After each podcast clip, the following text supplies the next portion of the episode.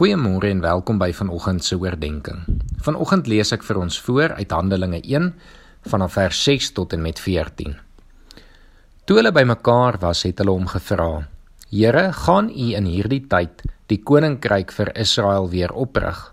Maar hy het hulle geantwoord: "Dit is nie vir julle om die tye en spesifieke geleenthede te ken wat die Vader in sy eie mag bepaal het nie. Maar Julle sal krag ontvang wanneer die Heilige Gees oor julle kom. En julle moet my getuies wees in Jerusalem, in die hele Judea en Samaria en tot aan die einde van die aarde. Toe hy dit gesê het, is hy opgeneem terwyl hulle toe kyk en 'n wolk het hom uit hulle gesigsveld weggeneem. Terwyl hulle, soos hy weggaan, stip na die hemel bly kyk, staan daar met eens twee mans in wit klere by hulle en vra: Galileërs, Waarom staan en staar julle na die hemel?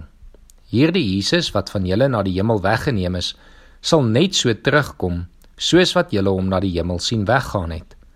Daarna het hulle van die berg wat as die Olyfberg bekend staan en wat dig by Jerusalem was, 'n Sabbatsreis ver, teruggekeer na Jerusalem.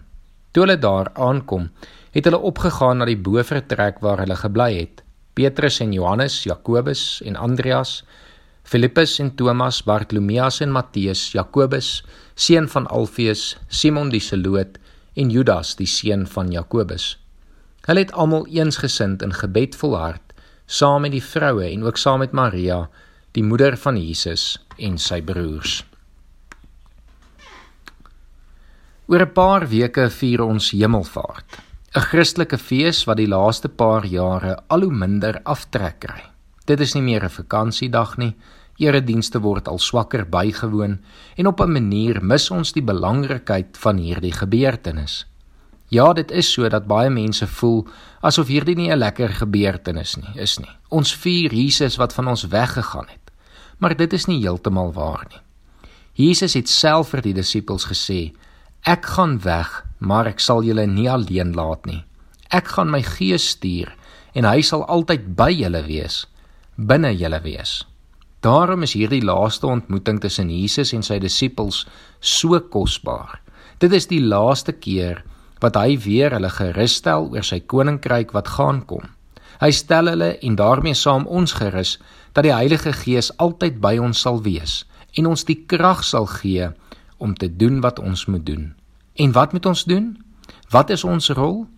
Soos ons hier die hele week gehoor het en vandag baie mooi saamgevat word in vers 8 en julle moet my getuies wees in Jerusalem in die hele Judea en Samaria en tot aan die uithoeke van die aarde.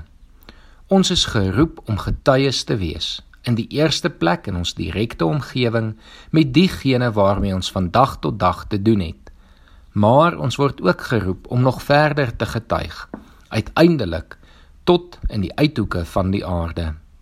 Ek wil vandag vir jou vra om te begin om jou getuienis oor jou verhouding met Jesus te deel. Begin vandag om dit met ten minste een persoon te deel. Dit kan sommer in jou eie huisgesin wees of dalk 'n naby vriend. Maar eers moet ons begin om weer hierdie taak op te neem en te getuig van ons Here Jesus Christus wat vir ons lewe gee, wat opgestaan het en wat vandag nog lewe en sy gees wat by ons is. Kom ons bid saam.